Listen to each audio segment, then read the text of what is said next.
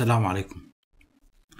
عندما طرح داروين لأول مرة في كتابه أصل الأنواع سنة 1859 الفكرة اللي تقول بأن الجنس البشري تطور من أسلاف أشباه القرود قوبل بصيحات الاستهجان والسخط من قبل رجال الدين من قبل عامة الناس بل حتى من قبل كثير من العلماء والمثقفين في عصره لذلك رغم كل أوجه الشبه الملحوظة بين الجسد البشري وأجساد السعادين والقردة فقد صور داروين وكأنه مهرطقا ناقضت نظريته قصة الخلق الموجودة في التوراة والإنجيل في الكتب المقدسة بل أيضا ناقضت الاعتقاد الشائع اللي هو يقول أنه الجنس البشري أكثر تميزا بكثير من أن يكون قد انحدر من أصل وضيع وضيع مثل هذا الأصل. إلا أنه بعد وفاة داروين يعني بمدة من الزمن أصبحت نظرية التطور مقبولة بشكل جدا كبير في الأوساط العلمية. ومنذ عصره ولحد اليوم علماء الحفريات علماء الوراثة وغيرهم من العلماء يأكدون على الارتباط القوي بين البشر وقردة ما قبل التاريخ بإسهاب ودقة لم يكن داروين نفسه يحلم بهذا الشيء. لذلك قد يرتبط البشر بالقردة والسعادين بمعنى اشتراكهم في النسب نفسه لكن مع ذلك البشر متفردين اللي هم كلهم من الرئيسيات حلقة اليوم عن الرئيسيات. يعني القردة والسعادين والبشر يسموهم الرئيسيات البشر متميزين في عدة طرق تفصلهم ليس فقط عن الرئيسيات لكن عن أشكال الحياة الأخرى كذلك. فلا بد أن نعرف ما هي التغييرات القائمة. هذه التغييرات أو التقنيات نسميها بطريقة أو أصح هذه التقنيات اللي حولت البشر تدريجيا إلى ما هو أكثر من مجرد نوع حيواني. لكن حتى نفهم كل هذه التعقيدات الغريبة في مجتمع البشر وثقافتهم علينا أولا أن نبدأ باستيعاب منطق الرئيسيات تشريح السعادين والقردة وسلوكهم حتى نميز بينهم وبين سلوك الإنسان. لذلك كان هذا بمثابة نقطتي الانطلاق الوراثية أو المواد الخام الطبيعية اللي تطور من عندها تشريح البشر وكذلك سلوكهم الفريدين. لذلك لفهم طبيعة لبنات البناء التطورية هذه نستطيع أن نعرف كم من المشوار المعقد والطويل لهذا التطور اللي قطع البشر وما مقدار ما تبقى منه. لذلك بصمة انحدارنا من الرئيسيات واضحة جدا في كل جانب من جوانب علم التشريح الإنساني. اليد على سبيل المثال. تطورت يد الإنسان بسبب حاجة الإنسان إلى الإمساك بفروع الأشجار وكذلك بقبضة قوية ومحكمة. الكتف أيضا تطورت. كتف الإنسان تطورت حتى تسمح للذراع بالدوران دورة كاملة حتى تصل إلى الوضع المناسب على سبيل المثال من حاجته إلى التدلي عن طريق الحبال أو الفروع العلوية عن طريق الذراعين القدم أيضا تطورت. قدم الإنسان تكيفت هذه القدم على نحو جدا جميل للسير للركض للعدو على الساقين في أرض منبسطة. فقد كانت في الأصل القدم كانت يد قابضة على الأشجار يسلق بها ثم تحولت إلى من يد إلى قدم يسير عليها.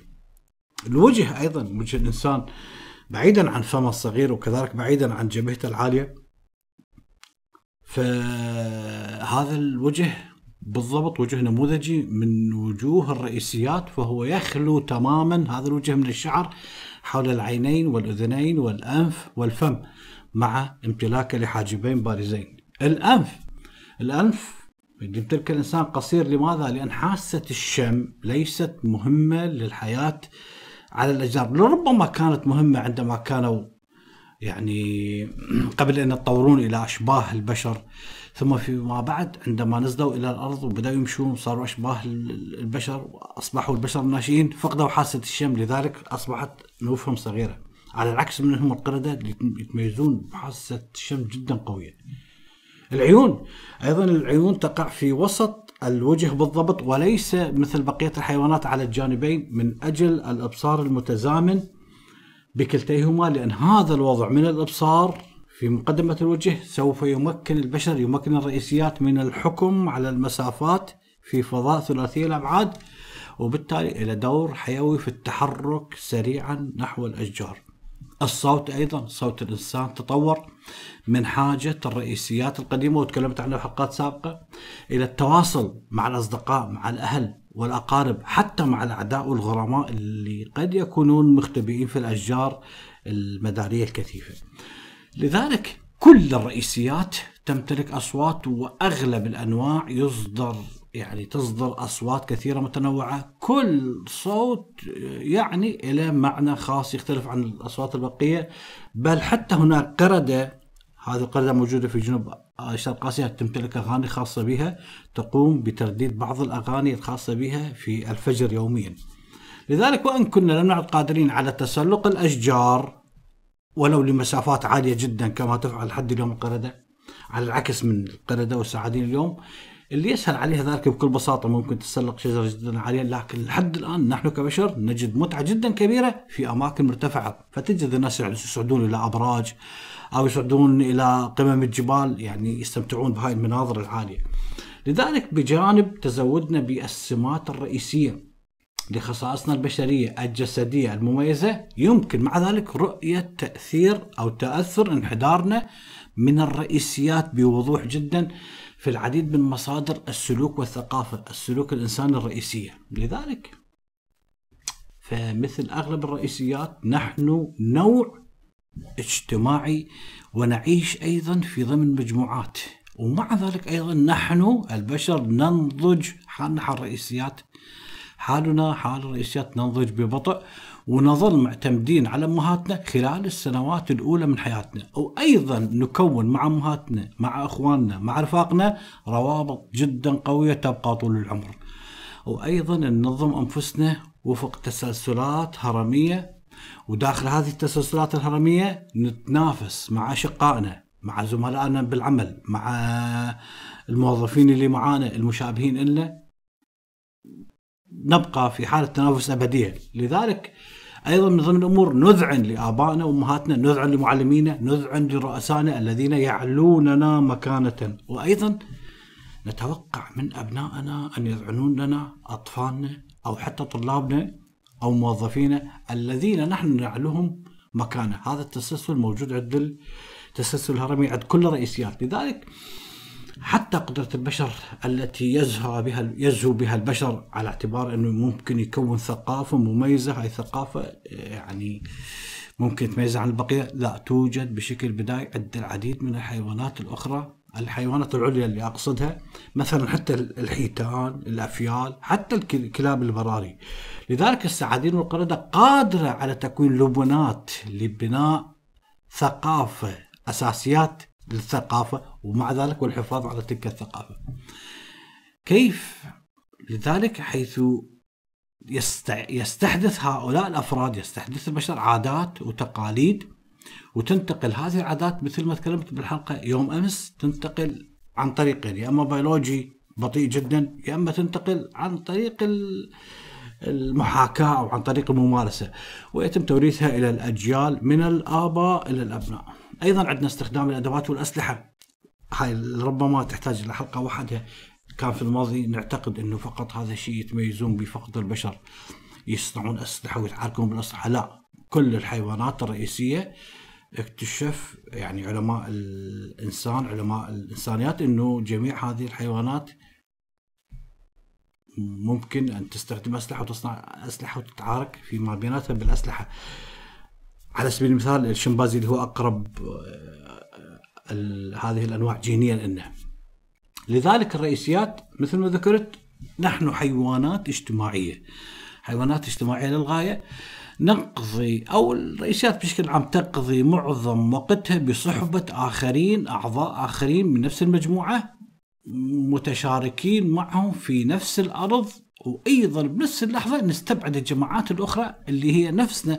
سواء كنا قردة أو بشر أو سعادين نبقى مع نفس مجاميعنا اللي نعرفهم ونستبعد المجاميع الأخرى اللي هم نفسنا لكنه ما نعرفهم. نستبعدهم هؤلاء ونشارك مع مواطنينا طوعا مع أفرادنا ونطرد الأفراد الآخرين بعنف من نفس النوع اللي ينتمون إلى جماعات أخرى.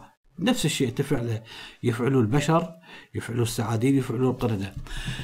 وكلهم أيضا يفعلون شيء واحد اللي هم يدافعون عن أرضهم ضد الجماعات المجاورة كما نفعل نحن الآن وكما يفعل أو فعلها الصائدون والملتقطون الأوائل في عصر ما قبل التاريخ جامعوا ثمار لذلك لكل جماعة من هذه الرئيسيات نحن وهم بمعنى نحن الأفراد الذين ينتمون لجماعة ما ويعيشون على أرض واحدة. هم هم الدخلاء الذين ينتمون لجماعات أخرى. ويعيشون على أرض غريبة. لذلك كل جماعة من هذه الرئيسيات تدافع وتستميت عن أرضها عن موطنها ضد الجماعات الأخرى في مواجهة صاخبة من العراك والشجار والعدوانية والعنف. تقع غالبا على الحدود حدود الأراضي بين الاثنين. فيبدأ الصياح والعراك ويبدأ الشجار فيما بيناتهم ويبدأ يعني اللي بين هاي المجموعات من الساعدين والقردة بعضهم على البعض يلوحون بإيماءات الوعيد والتهديد يعني فيما بيناتهم ويلقون مع على بعضهم البعض أشياء.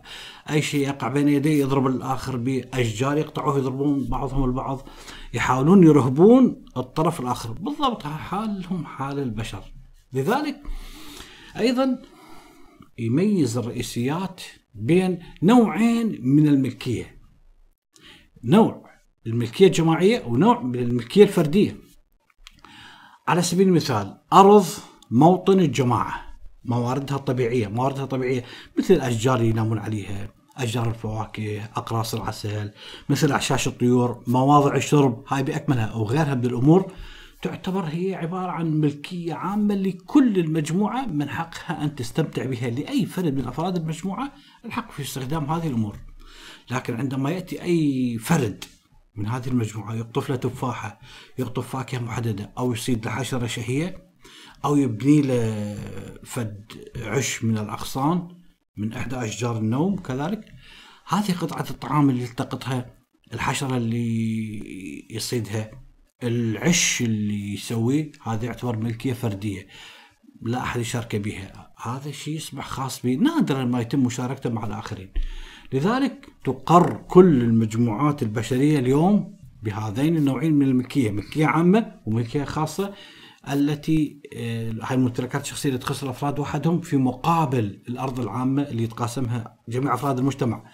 الشوارع، مؤسسات الدولة، الساحات، الطرق، المتنزهات هاي تعتبر ملكية عامة.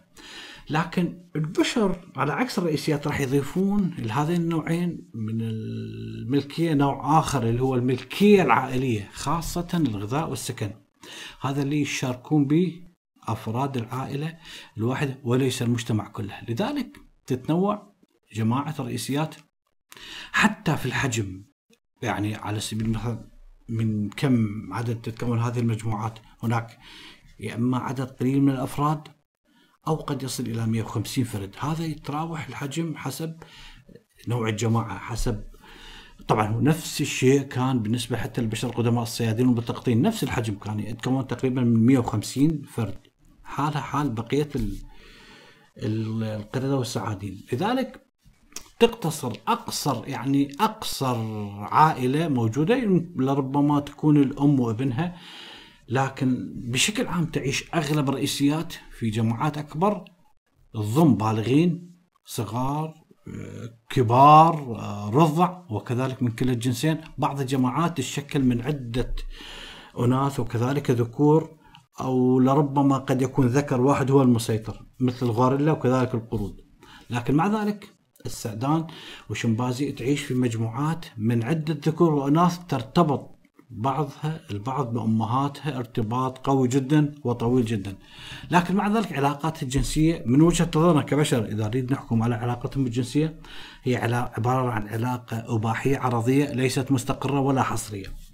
وراح أتحدث بها بحلقات أخرى. لذلك تتكون كل جماعة من الرئيسيات من شبكة معقدة جدا من العلاقات اللي ترتبط بين أفراد الجماعة نستطيع أن نقول بأربع أنواع مميزة من العلاقات هاي الرئيسيات اللي هي أيضا ممكن نعتبرها لبنات أساسية في كل المجتمعات البشرية. هاي العلاقات تشتمل لك أولا علاقة الأمومة جدا مهمة عند الرئيسيات بين الأم والابن بين الأم والذرية بشكل عام. أيضا التسلسل الهرمي اللي يربط لك بين الأفراد في علاقات من السيطرة والخضوع أيضا الصداقات والتحالفات التي قد تنشأ بين فردين أيضا العلاقات الجنسية التي تكون بين البالغين من الذكور والإناث حلقة اليوم راح أخصصها فقط يعني عن تقريبا عن الأمومة إذا لا وقت ممكن أتكلم بها عن الهيكلة. الأمومة الحقيقة انه علاقة الأمومة هي أقوى وأشد بين الثدييات وبين الرئيسيات مقارنة بالحيوانات الأخرى، ما هو السبب؟ السبب هو الارتباط الجسدي والعاطفي الذي يتكون أثناء الأسابيع الأولى والشهور الأولى بل حتى السنين الأولى التي تقضيها هذه الأنثى من الثدييات في رعاية صغارها، لماذا؟ لأن الرئيسيات متكيفة على العيش في الأشجار.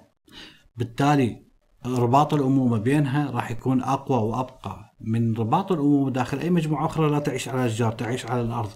كيف؟ الأمهات في الرئيسيات وحدهن من بين كل الأنواع المتعددة من الثدييات المشيمية الأخرى عندما تص... تكون على الأشجار تحمل ابنها معها عندما طوال الشهر أو السنة تبحث لك عن آه، طعام تبحث لك عن فد مأكل هاي الرئيسيات متكيفة للعيش على الأشجار.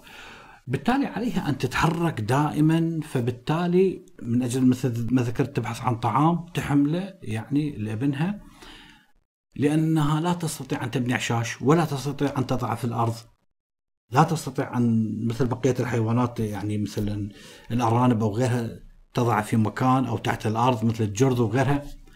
هذا معناه ماذا؟ معناه أنها على عكس الحيوانات الحفارة الفئران أو الأرانب وحتى الثعالب لا تستطيع أن تخفي صغارها في مكان ما وتذهب تبحث عن الأكل يبقى ابنها متعلق بها طوال أسابيع وشهور وسنين ما تتركه إلى أن يكبر علاوة على ذلك قد تؤدي أي زلة وهي ابنها حاملته على ظهرها أو متعلق ببطنها أي زلة ممكن يسقط ويموت. لذلك يحتاج القرد أو السعدان الصغير سنوات من النمو قبل أن يستطيع أن يتحرك. هذا سوف يكون علاقة وطيدة.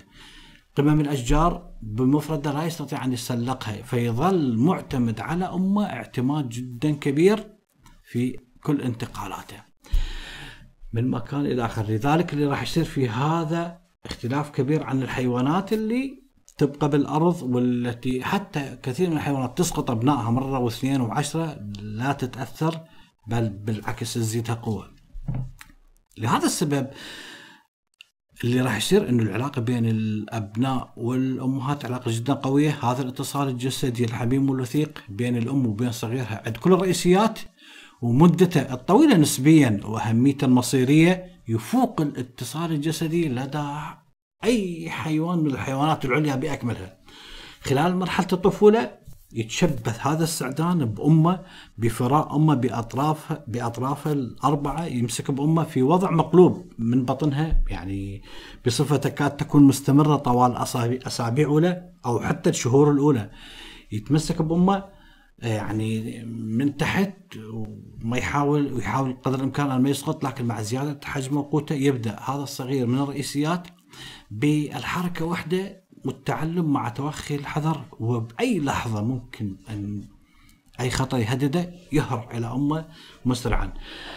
مع انقضاء فترة الطفولة ويعني زيادة في حجمه لا يستطيع أن يعني يمسك في أمة من بطنها وهي تسير لا هالمرة على ظهرها أو حتى على آه، منكبيها ويستمر هذا الوضع تقريبا شهور أو لربما حتى سنوات حتى أن يبلغ ويستطيع أن يستغني عن أمه ويستطيع أن يقوم بكل حوائجه وحده، هذا الارتباط أيضا اللي هو انشا بين صغير الرئيسيات وبين أمهاتهم سوف يعطي هذا الاتصال الجسدي القوي عاطفة غير موجودة عند بقية الحيوانات. من ثم ليس من الغريب أنه رابط الأمومة محوري في تلك الحياة لكل أنواع الرئيسيات.